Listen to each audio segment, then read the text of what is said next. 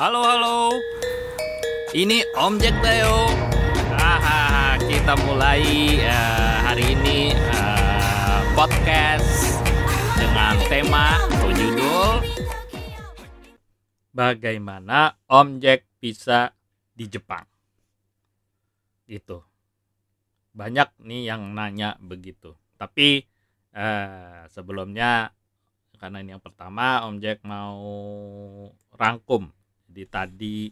Selama ini apa aja sih yang kepingin uh, pada ingin Om Jack ceritanya ya. kebanyakan adalah bagaimana Om Jack bisa ke Jepang. Terus uh, gimana sih? Kok Om Jack bisa di Jepang? Lama banget lagi nggak pulang-pulang lagi. Betah apa nggak sih? Iya kan? Terus Nah, kemudian yang banyak lagi adalah bagaimana mulai kerja di Jepang. Ya. Om Jack gimana sih bisa kerja di Jepang lama lagi? Apa kerjanya itu seperti yang sering didengar katanya orang Jepang kerjanya udah kayak apa aja gitu ya. Nah, itu ya. Yang kemudian adalah bagaimana kehidupan di Jepang dan pergaulannya. Bagaimana nah, dan apa ya? Maksudnya eh, bagaimana sih eh, pergaulan waktu kuliah ya, terutama waktu kerja ya. Sama-sama di Jepang tapi eh, cara pergaulnya tentu beda ya. Sebagai mahasiswa dengan sebagai orang yang sudah eh, kerja. Nah, kemudian yang banyak lagi setelah itu adalah bagaimana mengasuh anak-anak. Ini rada-rada repot jelasinnya karena ya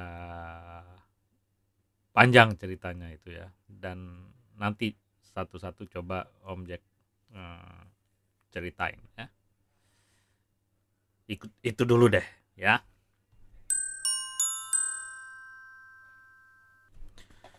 Om Jack ini dulu ya ceritanya uh, udah lama sekali. Jadi Om Jack juga udah lupa. Banyak yang lupa. Jadi uh, apa? Jadi ceritanya itu dulu Om Jack itu uh, orang tua Om Jack tuh dulu ada karena uh, bapak Om Jack itu ada dinas ya waktu itu di Jepang. Makanya sekeluarga ikut ke Jepang. Om Jack dan adik Om Jack ya. Nah, itu sampai Jepang. Nah, di Jepang itu Om Jack eh, pokoknya udah sampai Jepang nih ya. Om Jack sekolah masuk sekolah di eh, SRIT. SRIT itu singkatan dari Sekolah Republik Indonesia Tokyo. Ini ada di Tokyo karena Om Jack tinggalnya di Tokyo ya itu. Ini sekolah Indonesia ya, sekolah resmi, sekolah negeri. Sekolah negeri Indonesia di bawah apa Pedanka ya, Kementerian Pendidikan kalau sekarang itu. Jadi semua uh, lingkungannya guru-gurunya, murid-muridnya orang Indonesia jadi begitu masuk lingkungan sekolah ya udah kayak di Indonesia aja gitu. Begitu juga kurikulumnya sama seperti apa eh, di Indonesia. Ujian juga sama dan eh, ijazahnya juga dapat dari apa dari persis yang ada di sekolah negeri Indonesia gitu ya Om Jack di sana. Nah, oh ya. Tapi ini tuh eh, apa ya? Eh, agak beda sedikit dengan sekolah Indonesia di Indonesia di Indonesia maksudnya muridnya tuh sedikit gitu. karena ya kalau kan orang Indonesia juga nggak banyak dan rata-rata itu anak-anak yang datang itu ya karena alasan eh, keluarga eh, alasan karena apa eh, ya, mirip-mirip objek lah gitu. Jadi orang tuanya ada yang dinas di karena dinas di perusahaan swasta perusahaan negeri ada juga yang dari dinas dari kedutaan gitu ya dicampur. Nah, jadi anaknya juga nggak banyak. Misalnya sekelas dulu ya dulu tuh paling banyak juga eh, Om Jack inget ya waktu SMA tuh. Ya masuk itu udah eh, pokoknya Om Jack tuh lulus SMA di SRIT lah gitu ya. Nah itu misalnya di kelas berapa waktu itu ya? Eh anaknya tuh hanya 15 orang sekelas. Dan hanya ada satu kelas. Nggak ada yang kelas lain gitu. Nah jadi kalau dibilang Om Jack pinter wow pinter sekali. Bayangin dari 15 eh, bayangin aja. Om Jack itu ranking ke pernah ranking ke 10 dari 15 orang. Jadi ya bisa berbangga dikit lah kalau mau cerita di Indonesia. Ah gua ranking 10 masuk 10 besar loh gitu ya. Bahkan ada yang bis bahkan ada kelas yang hanya lima orang. Jadi bisa bilang gue masuk ranking 5 loh di kelas. Dari berapa orang? Dari lima orang. Jadi ya, ya gitulah ya.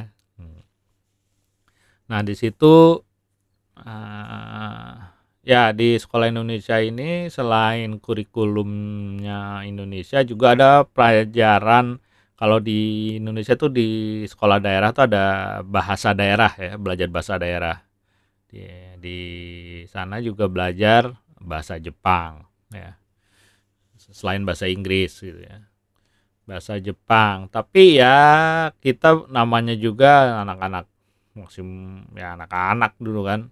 Bahasa Jepang ya belajar sekedarnya aja lah kadarnya. Yang penting bisa ngobrol eh bisa ngobrol maksudnya bisa bisa kalau di luar mau nawar makan beli makanan pesen ya bukan nawar pesen terus uh, apalagi ya? Ya keperluan-keperluan yang memang urgent lah ya. Itu aja. Selebihnya ya buat apa gitu kan. Waktu itu mikirnya kan.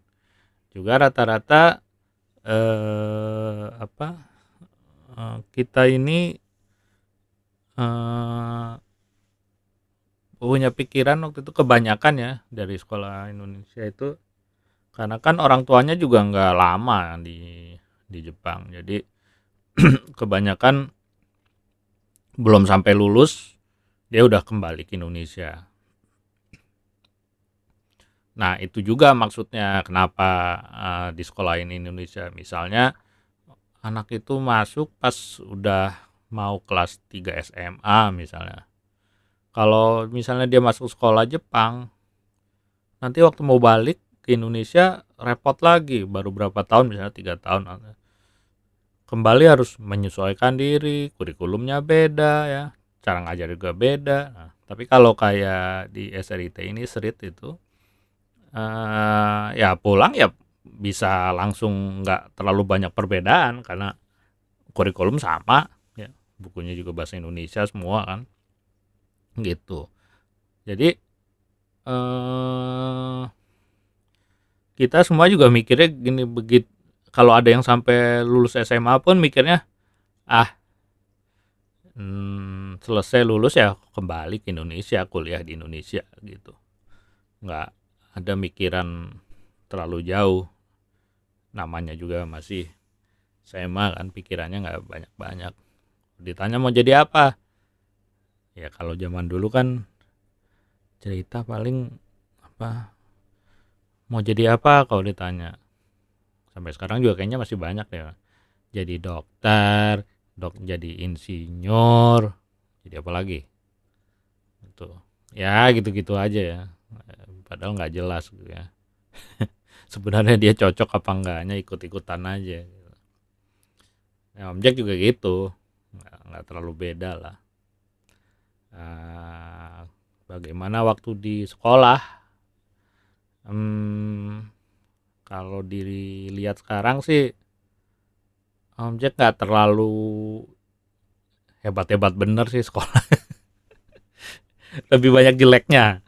Rapot setiap terima rapot nunggunya lama banget. Dulu inget tuh i, uh, ibu Om Jack kan yang kalau nerima rapot ya. Lama banget di dalam kelas kan Om Jack kan di luar nggak bisa. Lama banget ngomong sama guru. Wah itu pasti banyak dinasehatin tuh. Wah anaknya gini gini, gini. jadi ya Om Jack sih nggak bisa di nggak terlalu ada yang bisa dibanggakan lah dari nilai gitu ya tapi belakangan barulah nanti ceritanya jadi ya sudah misalnya ujian aja eh, eh naik kelas aja itu serba pas-pasan gitu kan. Uh, bahkan dulu pernah tuh kelas berapa ya? Udah diulang udah remet masih jelek juga. Akhirnya dikatrol gitu istilahnya waktu itu waktu apa naik kelas. Nah waktu mau ujian mau lulus itu benar-benar nilainya pas-pasan gitu kan. Nah dulu hampir dulu tuh apa ya ujian apa waktu itu ya oh, omnya kan dulu di IPA ya. Uh, ujian kimia. Ya. ujian kimia itu ujian praktek bukan nah, ujian praktek tuh waduh hampir aja gagal dan itu kan kalau gagal kalau nggak salah nggak naik kelas dulu tuh saya apa om Jack ingat tuh. Jadi waduh untung agak-agak curang juga sih curangnya tuh gini dikasih kan ininya lembarannya kamu harus di merangkum apa meri, meracik ini ini ini ini gitu ya. Terus ntar hasilnya gimana ngelihatnya katanya hasilnya tuh dengan dibakar apa terus warna apinya jadi apa gitu kan. Udah nyoba udah nyoba apa? Begitu dicoba om Jack teman om itu apa sesuai dengan yang dibilang kenapa juga Om Jack nih apinya beda kan? Wah panik tuh waduh gimana nih? Gawat ini. Ujian gagal nih. Aduh gimana? Ya mikir terus akhirnya pas kan nggak dijagain terus sama apa, gurunya. Jadi masih bisa keluar masuk di labnya kan nah, gitu. Soalnya suruh bebas ngambil apa uh, bahan kimianya. Akhirnya om coba-coba aja satu-satu gitu. Gitu di oh yang ini kalau dibakar warnanya apa? Oh ini. Sampai nemuin tuh. Nggak tahu apalah gitu ya dibakar warnanya kok sesuai lah dengan yang diminta. Oh itu aja. Langsung ambil diam-diam terus langsung tunjukin ke pak gurunya. Ini pak lihat hasilnya. Ntar dia tes. Coba lihat. Pas dites kan apa apinya wah oke okay. padahal sih nggak tahu apa yang dibakar. Jadi ya gitulah ya. Uh, pengalaman lain apa ya selama waktu sekolah tuh ya. SM oh iya. Dulu ya zaman sekarang juga pasti ada ya. Namanya ada yang uh, bu, apa ya bukan dosen killer apa guru killer tuh ada tuh pasti ya. Nah, ini juga ada tuh. Nah ini guru IPA ya, guru IPA nah guru IPA ini cewek ya. Kalau inget kasihan juga udah almarhum almarhumah. Jadi uh, ya namanya juga kalau di Indonesia kan guru itu ya yang paling pinter. Nggak ada kita namanya berdiskusi dengan cara apa ya kalau di Jepang atau juga di Amerika itu ada semacam uh, komunikasi dua arah gitu ya kalau di Indonesia kan ya guru ya udah satu arah aja guru ngasih ngajar gini gini gini. Kita harus percaya dengar dengar gitu kan. Nah ini guru ya sesuai kurikulum yang dia dia dia baca apa kan. Nah tapi Om Jack tuh seneng. Dari dulu tuh uh, lihat TV dokumentasi dokumentari di TV Jepang. Kan Jepang banyak tuh TV apa dokumentari tentang ilmu pengetahuan. gitu sampai suatu saat waktu dia jelasin apa terus nah ini juga Om Jack soalnya orangnya tukang ngedebat gitu kan. Jadi Om Jack waktu bilang wah itu bu udah nggak berlaku bu. Itu itu udah kuno sekarang udah ada teori baru bla bla bla bla bla gitu kan. Wah kan itu di depan murid-murid yang lain kan. Dia kesinggung gitu kan. Wah ya pada saat itu sih nggak di dia nggak nggak apa tapi dia kayak kesel gitu kan. Eh iya bener. Uh, karena itu, itu untung bukan kenaikan kelas tuh ya masih semester ujian semester ulangan semester. Hasilnya waktu rapat tuh merah rapat Om Jack. Waduh gawat nih wah ini sih sentimen gitu. Om Jack bukannya nggak ngerti ya. Uh, ya waktu ujian juga eh, nggak uh, jelek-jelek amat dan merasa oke okay lah nggak nggak ada ininya gitu. Ini pasti urusan masalah dia sentimen nih dengan Om Jack gitu kan. Ya kayak gitulah. Ya pokoknya alhamdulillah eh, berhasil lulus ya. Wah udah deh lulus. Om Jack tenang orang tua juga tenang. Daripada tiap terima rapot dimarahin terus kan. Tapi terus bingung nih.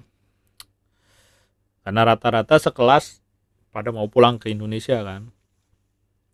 Sedangkan waktu itu pas orang tua masih di Jepang karena belum selesai tugasnya. Duh mau eh, Om Jack juga mau pulang gitu kan. Ah mau kuliah di Indonesia aja gitu kan. Tapi bingung gitu ya. Hanya karena ikut-ikutan aja gitu. Mau ngapain mau mengambil apa nggak ngerti lah gitu. Akhirnya Om Jack ya pokoknya ke Indonesia. Masuk di salah satu universitas swasta lah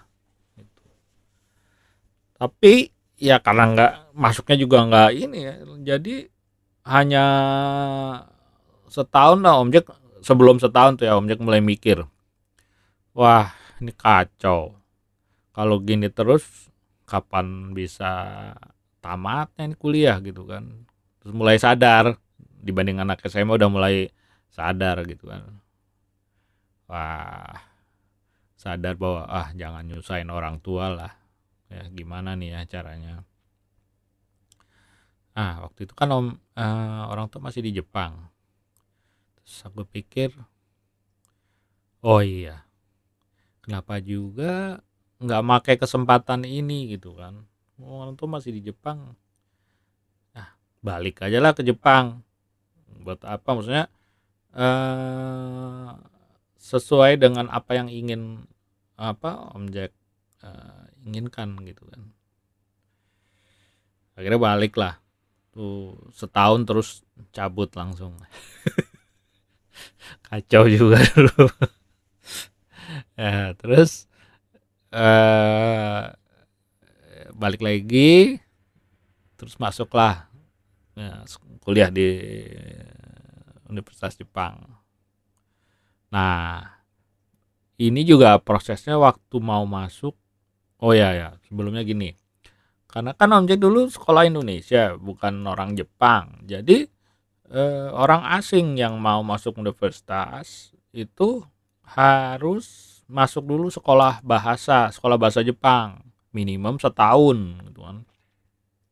Kalau sekarang malah eh, satu setengah tahun, terus hmm, emang sih ada kemudahan dibandingin orang Jepangnya gitu. Jadi kita lebih dapat kesempatan untuk masuk tuh yang penting bahasa Jepangnya bisa difahami dan ujian yang lainnya nggak uh, kayak misalnya uh, ilmu yang harus ininya justru nggak terlalu susah. Jadi masuk sekolah bahasa dulu. Sekolah bahasa objek tuh satu satu setengah tahun lah kalau kalau sekarang kan semua objek dua anak dua-duanya dulu pada sekolah bahasa Jepang juga gitu ya. Karena dia kan dari lulusan dari Indonesia. Sama aja objek meskipun dari SRIT tetap karena itu sekolah Indonesia jadi harus uh, masuk, masuk bahasa sekolah bahasa. Ya udah sekolah bahasa. Itu sambil mikir ini mau masuk mana ya gitu. Bingung kan.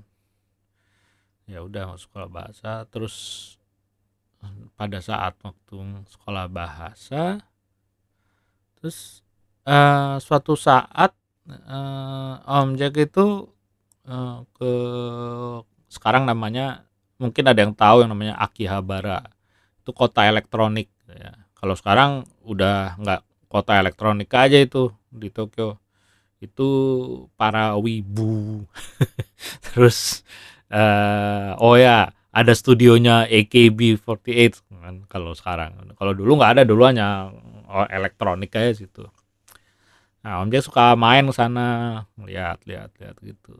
Terus lihat ada anak kecil kok koprek-koprek-koprek kayak um, komputer gitu ya. Dia ngetik-ngetik sesuatu yang Om Jack nggak ngerti. Ini ngetik apa sih?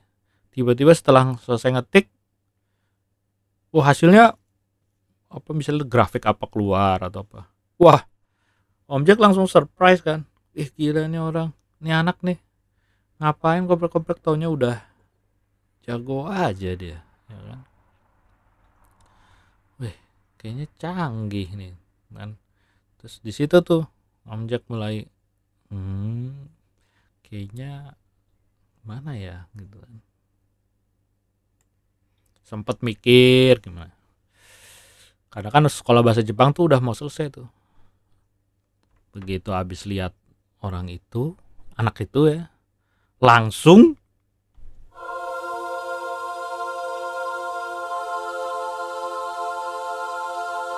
wah ini yang harus aku pilih akhirnya Om Jack uh, mem memutuskan apa ya uh, memastikan bahwa Om Jack mau belajar komputer IT. Ya. Nah IT zaman dulu udah uh, beda dengan yang sekarang ya, udah jauh beda banget lah itu. Uh, istilahnya apa ya? Ya kalau sekarang kan komputer tuh yang kecil-kecil ada, laptop ada gitu kan. Kalau zaman dulu uh, komputer ya segede-gede kulkas tahu kalau toko kulkas tuh berderet nah kayak gitu tuh ya kayak gitulah. Ya akhirnya Om Jack eh, setelah selesai sekolah bahasa alhamdulillah diterima kuliah gitu ya. Nah, jurusan IT nah, di situlah sebenarnya Om Jack benar-benar uh, hidup uh, bersama-sama uh, apa ya maksudnya hidup menyelami kehidupan orang Jepang. Karena di situ kenal orang apa uh, teman punya teman orang Jepang ya.